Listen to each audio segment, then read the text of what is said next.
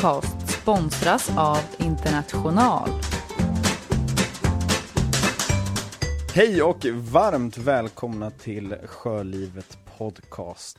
Jag heter Karl Holmertz och med mig har jag precis som vanligt Benny Baunsgaard och Oskar Wahlheim. Hej mina vänner. Hallå, hallå, hallå. Tjena Karl, och hej Benny. Hej, hej Oskar. Och Karl.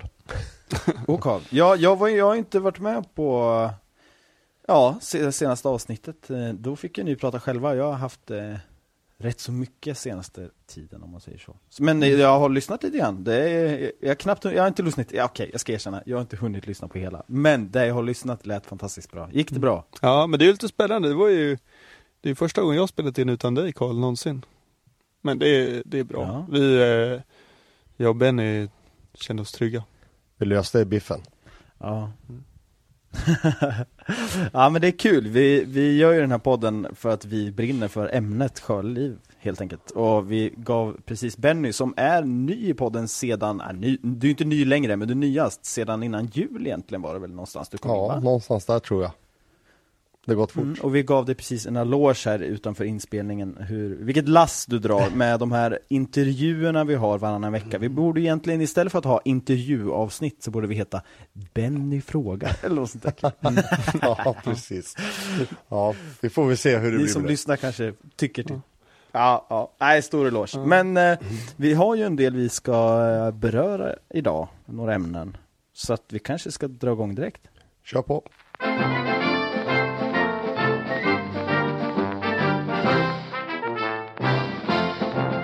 Det är ju eh, så här att vi har en tävling med International och den närmar sig sitt slut. Vi spelar in den här podden i förväg och tävlingen har inte avslutats när vi spelar in, men när vi sänder live, eller när vi släpper det här avsnittet, då kommer det vara avslutat.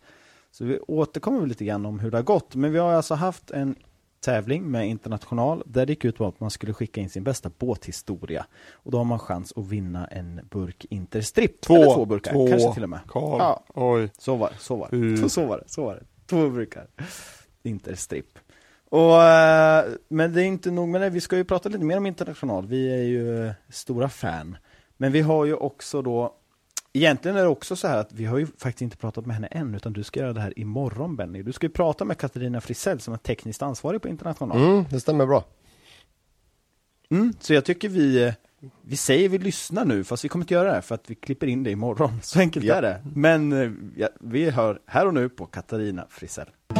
Vill du se filmer, bilder och läsa mer information om det vi pratar om i podden? Besök oss gärna på www.sjölivet.se. Så många av våra lyssnare vet så har vi fått den äran och den stora äran att få ett samarbete med International. Och jag sitter just nu i telefon med Katarina Frisell på International och välkommen till Sjölivets podd. Tack. Vem är du och eh, vad gör du på International? Ja, eh, jag har ju eh, varit på international herrans massa år och faktiskt eh, 27 år Oj. nu. Och eh, ja, tiden går. Eh, och eh, jag sysslar ju mycket då med teknisk support och rådgivning ut till både båtägare och varv och våra återförsäljare och så vad det, beträffande våra produkter då. Mm. Många frågor har ju dyker ju upp så att säga så att då sitter vi ständigt redo för Ja men det är bra. Ja.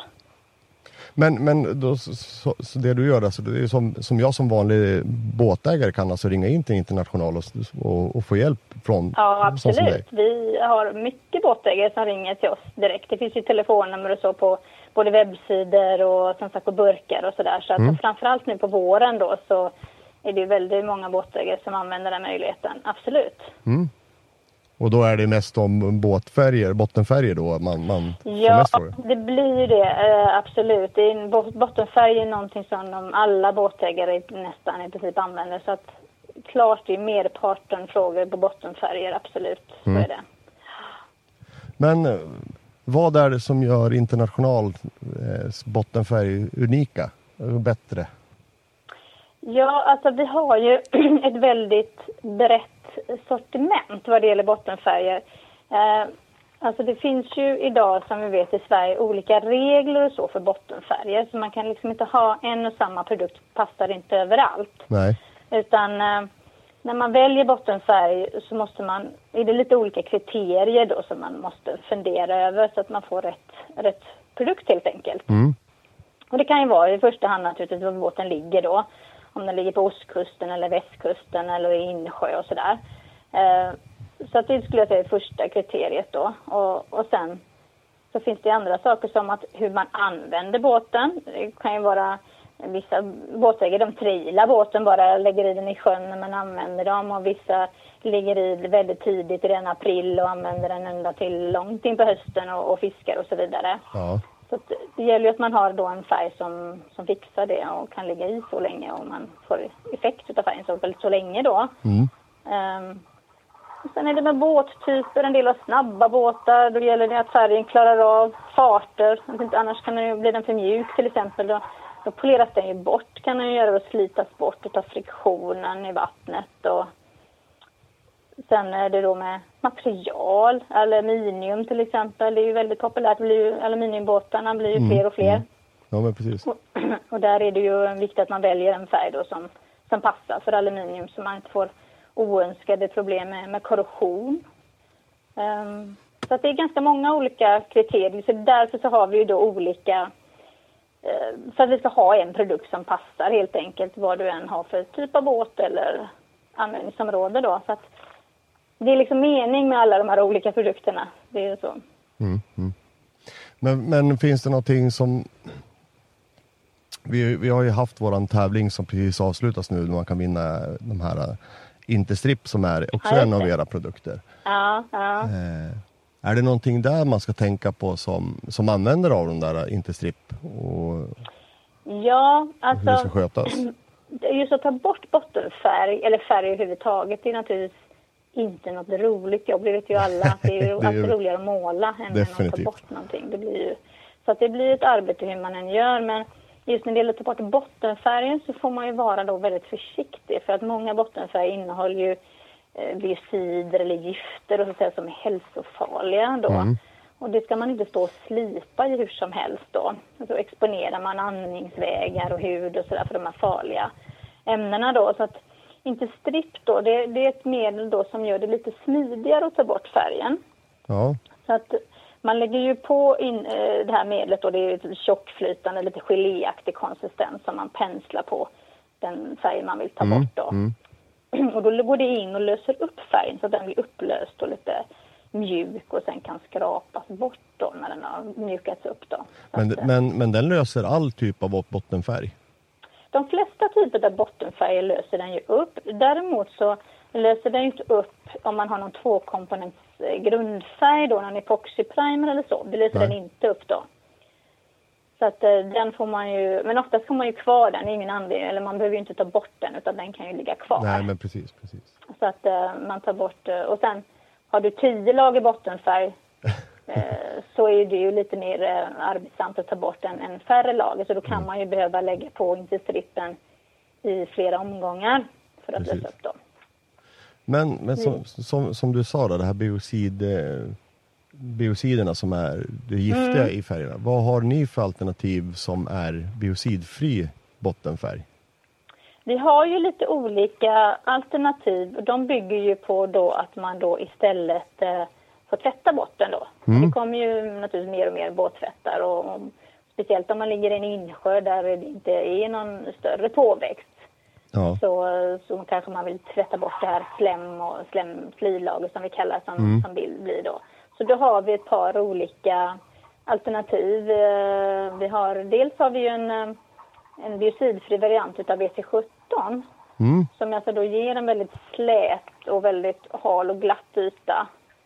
Eh, och hård då. Så Ja. att den är ju väldigt praktisk att ha om man tvättar i bottenstället. Men ligger man då där ute på, på kusten däremot eh, med en sån typ av färg så får man ju vara lite mer uppmärksam och tvätta ganska regelbundet då. För Ja. det är, havsdelpanerna sätter ju sig annars då. ja men Det är precis. Viktigt att man tänker på det då.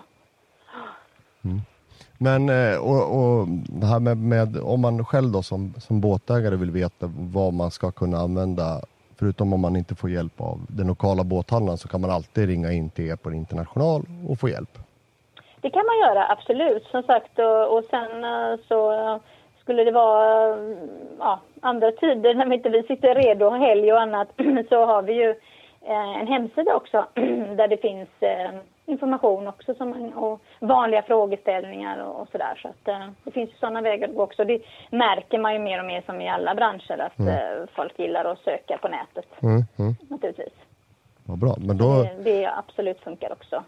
då ska vi ju såklart lägga upp den också, informationen, vad man kan få tag på er och, och ställa de frågor man har. För jag menar, man har ju själv stått där många gånger vid båten och funderat på hur Ja, sjutton precis. ska jag lösa Man det kan ju här? även via hemsidan, eh, ja, via kontakt, mejla Mm. in till oss också. Där sitter vi också standby naturligtvis Ja. och svarar på, på mejlfrågor. Ja men det är ju toppen. Ja, så att, eh, internationalyachtpaint.com heter den sidan. Perfekt. Kan du numret i huvudet då? Eh, tänker du på telefonnumret eller, Ja. eller menar du? Eh, För supporten? ja, ja, visst. Då ringer man ju 031 Ja, och så ringer man eh, 928 ja. 500. 500. Ja men vad perfekt. Mm, Det ska vi också lägga upp. Ja men det är jätteroligt att jag kunde få så här på kort varsel och få ringa upp er. Ja, nej men absolut. Katarina. Som sagt, det, är- nu får vi dessutom lite båtväder också här nu kanske. är med lite fantastiskt. Det är fantastiskt och Ja. helgen, en lång helg här nu också dessutom som stundar. Så Ja, jag, jag tror det det är vore, perfekt för alla båtmålare. Ja, perfekt. Och har man inte sjösatt eh, så har man väl all tid i världen nu och se till att få det i ordning. Ja, precis. Det är väl det sista goda helgen här nu som kommer. Ja, härligt. Men du Katarina, jag får tacka så jättemycket och så får vi väl eh, säkert hitta en anledning att återkomma med om jag får några Ja, mer frågor. det- Kul, absolut. Tack för att ni ringde. Tack själv och trevlig helg. Okej, ja, tack. Hej. Hej.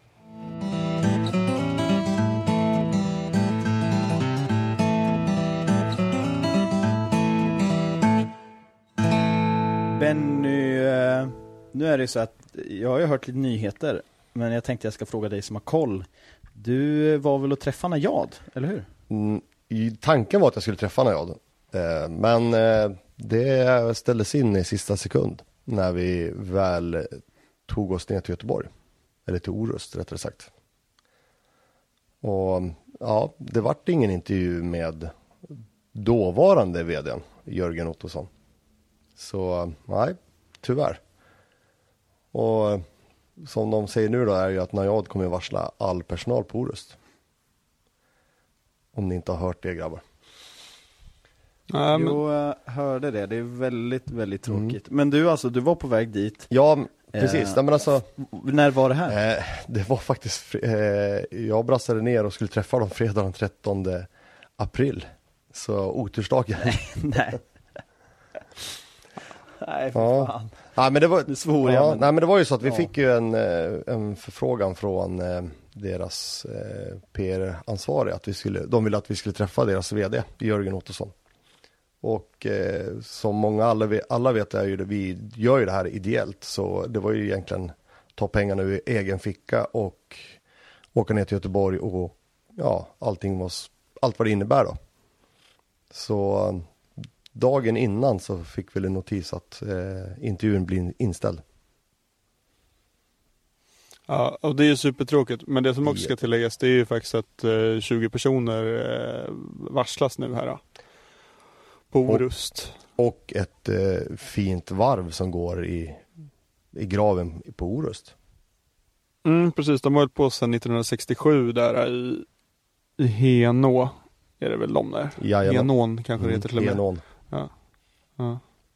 Så det är supertråkigt och eh, det senaste vi har läst och det är väl att de ska gå in i förhandlingar nu då. Det är sådana MBL-förhandlingar som det så fint heter. Eh, och det vill innebära att de ska förhandla med de anställda och ehm, ja, och företaget och se vad som ska hända. Och det verkar som att de kommer flytta tillverkning till Uddevalla då.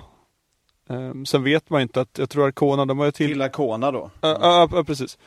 Det är lite utanför Uddevalla. Och sen tror jag också att Arcona har Alltså det är inte i Polen men det är någonstans i Östeuropa. Det kan vara eh, som de har också delar av tillverkning. Eh, så Alltså för att förtydliga då, jag måste bara säga det Oskar, alltså för de som kanske inte har hört den här nyheten eller inte har koll så är det ju så att Arcona har ju köpt upp Najad Mm. till att börja med. Och det är nu då som Najad varslar. Alltså Arkona varslar från Najad. För att förtydliga. Ja. Förlåt, fortsätt. Ehm, nej, men då, så då kommer väl antagligen, som det fanns vissa spekulationer kring redan under båtmässan när man pratade med några, eller med, just om att eh, ja, för att få ner kostnader och flytta då tillverkning till eh, länder där det kanske inte är lika höga löner. Eh, vilket är förståeligt, men och sen göra en slut, ja, montera ihop båtarna i Sverige. Mm. Mm. Och jag jag ska bara tillägga, förresten, jag sitter ju bak nu i en, eh, i en Ford Transit och det var någon buss som dundrar förbi så det kan vara så att det låter lite konstigt ibland. Om ni undrar vad det är. Ja. Du är alltså för att förtydliga ännu mer. Jag har varit speaker på en simtävling hela dagen, så jag gillar att prata just nu. Jag är uppe i varv.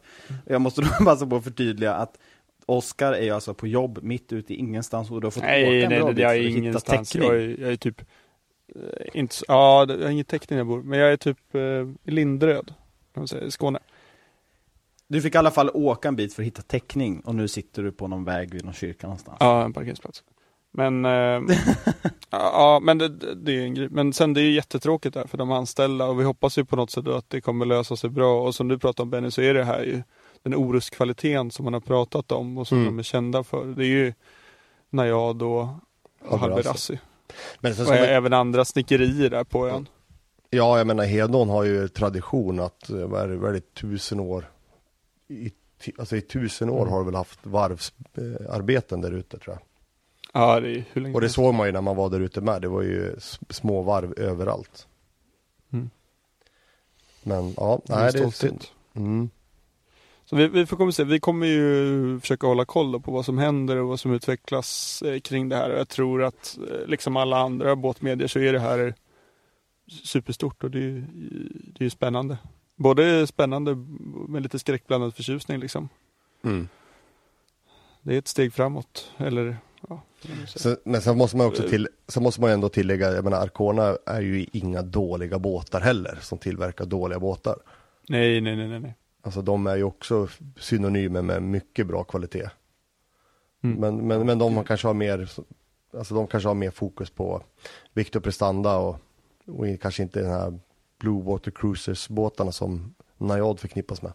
Man ser ju ofta mer arkoner på kappseglingsbanorna. Ja,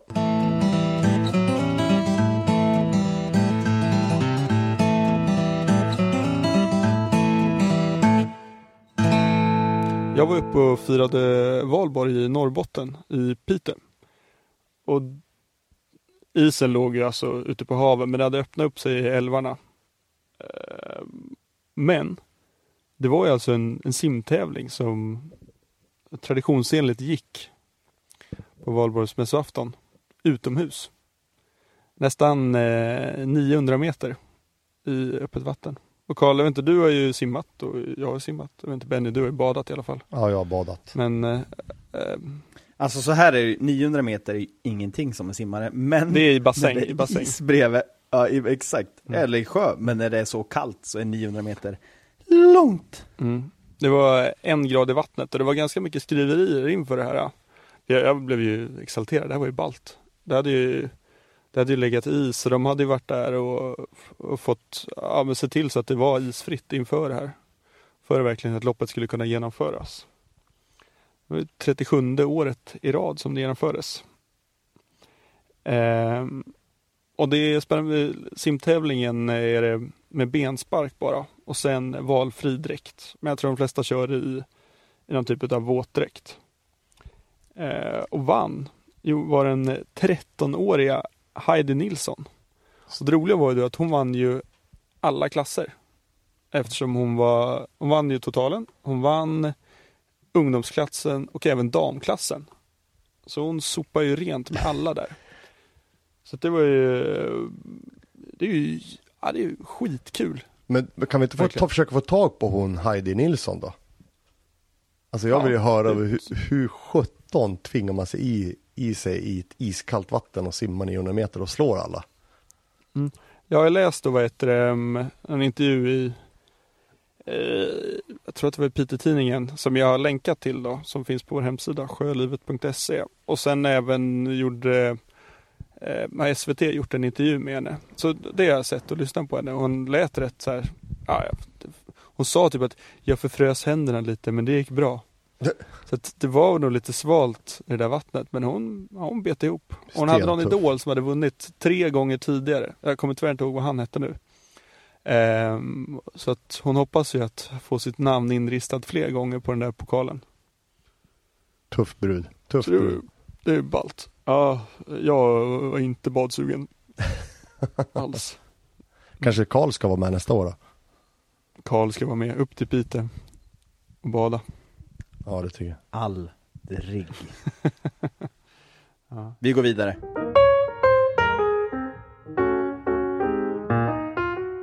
Sjölivet Podcast sponsras även av Pollyprodukter.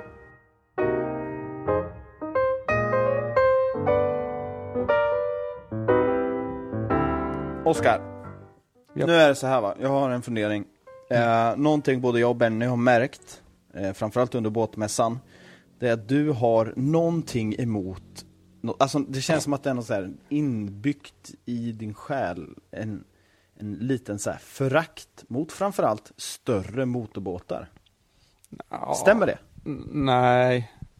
Eller inte, det är väl att jag har svårt att se mig själv i den situationen. Jag, men det är väl något som får liksom pågå parallellt bredvid det jag gillar och håller på med. Men jag har ju jag har väldigt litet behov och sug av att ut och åka stor motorbåt. Jag är för rastlös. Skulle inte, vad, vad skulle jag göra?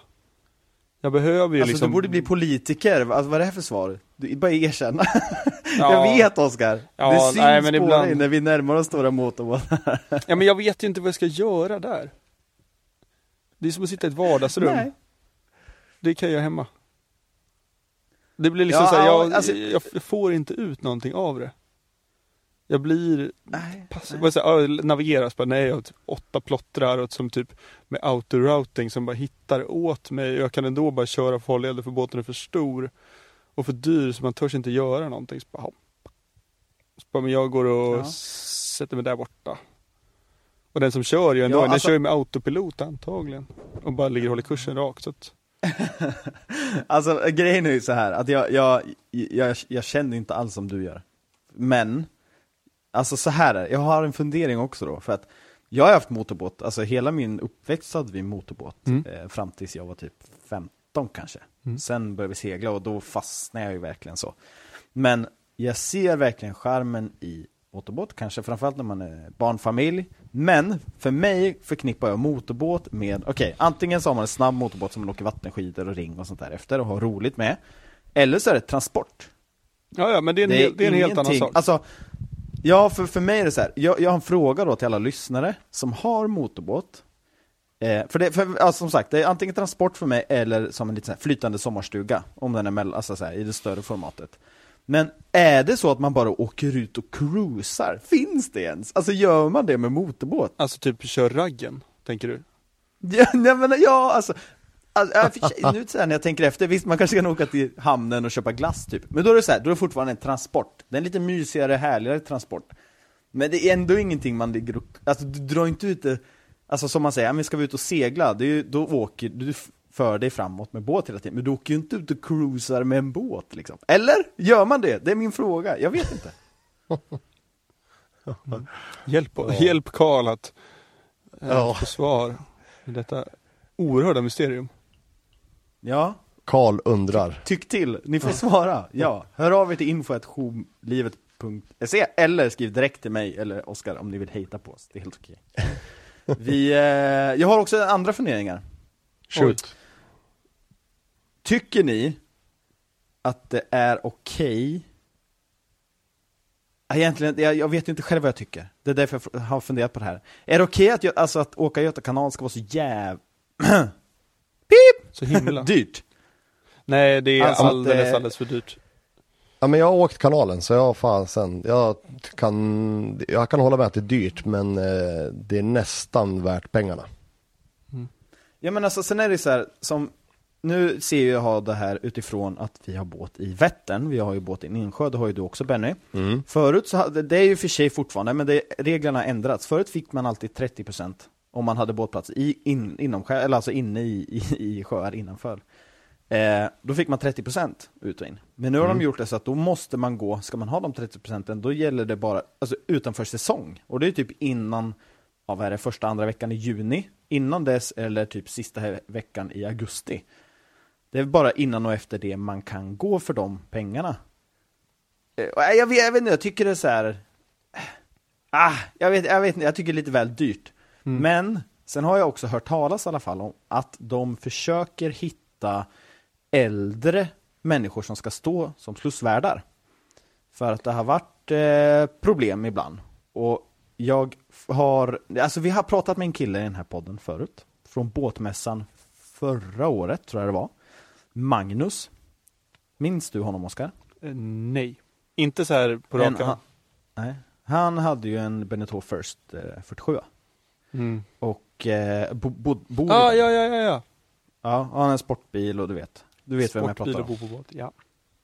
Ja, super, super skön kille. Mm. Men det här, han råkade ut för lite, han, han råkade ut för många missöden, men just då i kanalen så var det ju då att då var det ju någon slussvakt som var lite för ung och inte riktigt tänkte på konsekvenser och tömde tömde vattnet. Och hans segelbåt eh, stod ju med kölen på backen och ramlade då och hamnade då så den lutade mot en annan motorbåt. Mm.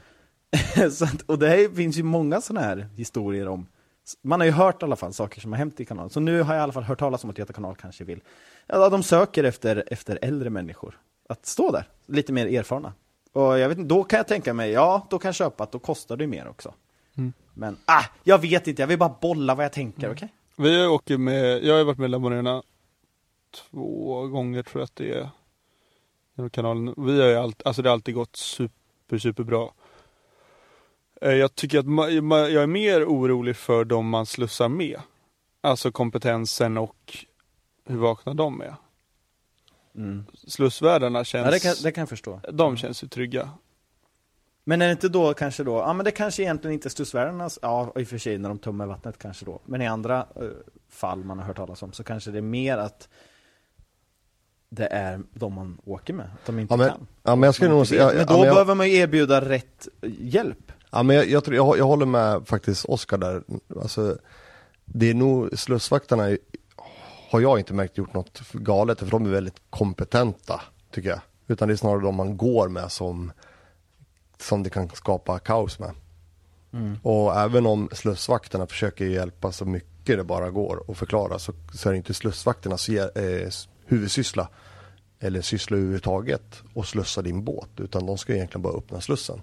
Och det förklarar de ju väldigt tydligt när man går igenom att du sköter din egen båt. Vi tar inte emot några tampar och grejer utan vi slussar, alltså vi ser till att styr slussen. Du får själv med din besättning sköta alltså slussandet. Och där märkte vi när vi gick genom kanalen att vi hade ju båtar vi gick med som absolut inte kunde hantera sin båt. Och då gick vi med en, jag tror det var en rätt, om jag inte minns fel, det var en 46 fots Arcona som vi gick med som, eh, den var nog inte så hel efter den, då vi var klara, när vi gick ut i MEM. Nej. Varför då? Vad hände? Nej men de, eh, de var Besättningen förstod väl inte det här att man kan inte stå i fören och prata i normal ton med riktning mot fören och ska prata med han som sitter och styr i sittbrunnen. Och du vet när du kommer i, i typ tre knop in i en slussvägg eh, med en fin, väldigt fin plastad båt. Det blir, det blir konsekvensen, speciellt inte när det finns en fender där. Vem har en sån båt och inte kan det? Frågar jag då. Nej men de skulle transportsegla sin sons båt. Jaha. Ja, så vi såg ju till efter mycket om och men när vi insåg att eh, kommer vi ligga med den här båten så kommer vi bli mos och jag har ju min lilla 30-fotare och den kommer ju mosa sönder så vi såg ju till att ligga först och ta den största smällen när du slussade för då får du ju mest tryck från strömmarna. Så vi la ju oss alltid först och jobbade med, med det istället för att hålla olyckskorparna långt bakom oss så inte vi trycks upp mot slusstrappan eller slussväggen eller vad det heter och tappar rodret eller något sånt där. Så, mm, Ja, skönt av ägaren att våga låta den, eh, låta, ja. ja. Jag fick då en idé, man borde ju kanske egentligen hjälpa Göta kanal och så gör vi en så här liten webbutbildning som kanske bara tar en kvart så här, eller en timme eller någonting som man De- måste göra för att få timme. slussa. Ja. Ja men två timmar, vad fan vet jag. Alltså så här, verkligen att man bara, man får svara på frågor, man får göra lite övningar så att man, det är grundgrejer. Det är ju egentligen inte svårt liksom. Vi får se till att du får- ha en genomgång. Vi får se till att du får prata med dem Karl på Göta kanal. Du bor ju närmast så du får åka till Motala och träffa dem tycker jag. Ja det gör vi, så gör vi. Mm. Det låter jättebra. Då ser vi till att fixa det till förhoppningsvis nästa avsnitt. Yes.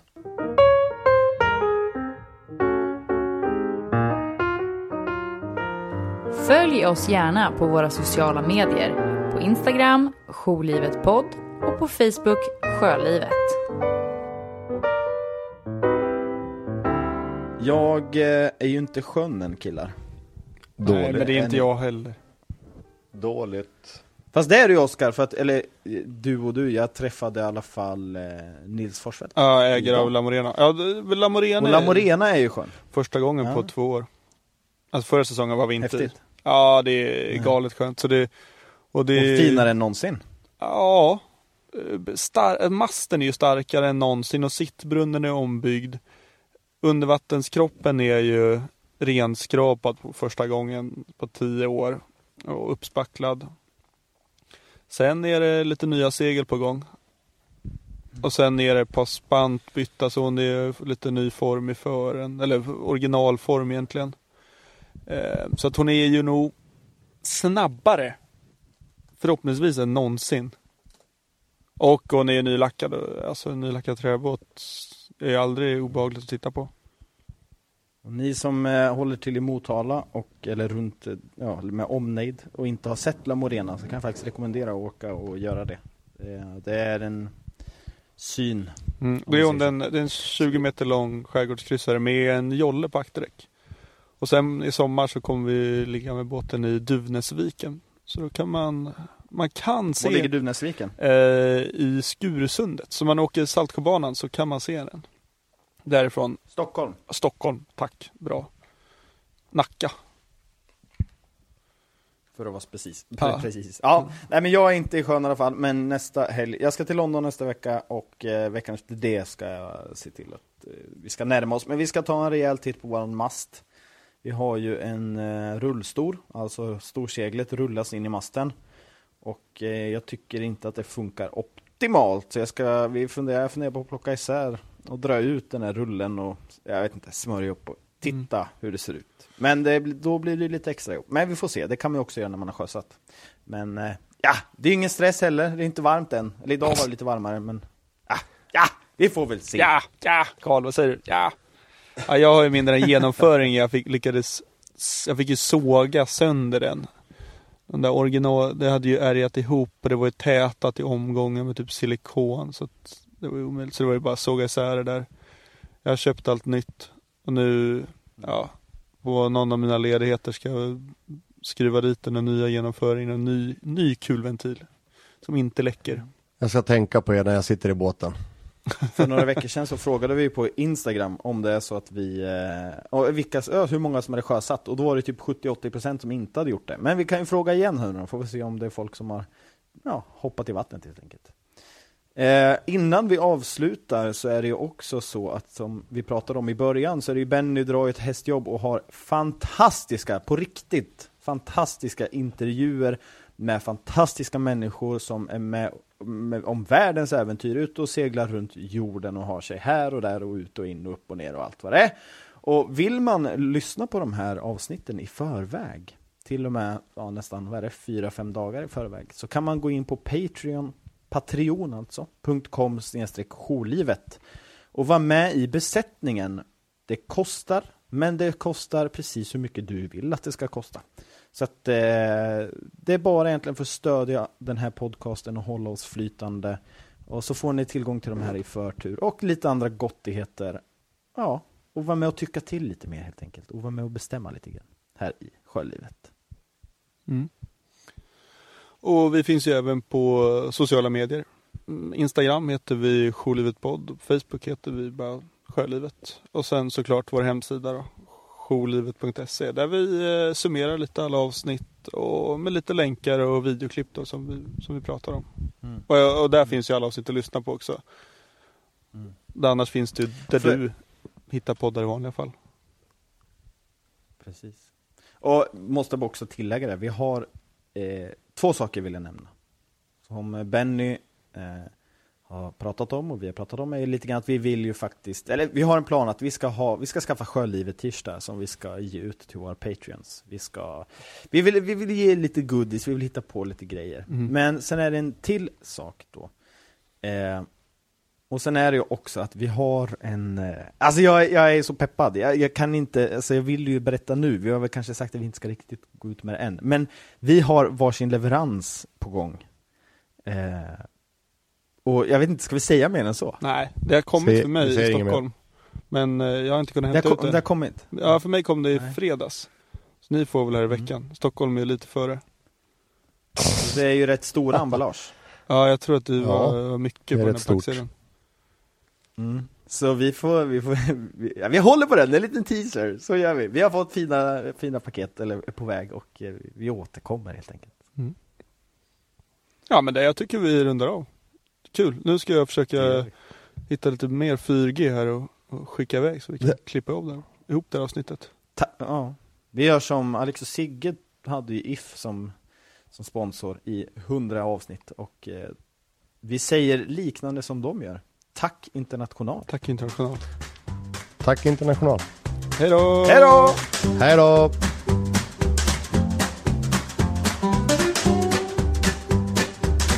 Vill du vara med i Sjölivets besättning? Besök vår Patreon-sida på www.patreon.com jourlivet.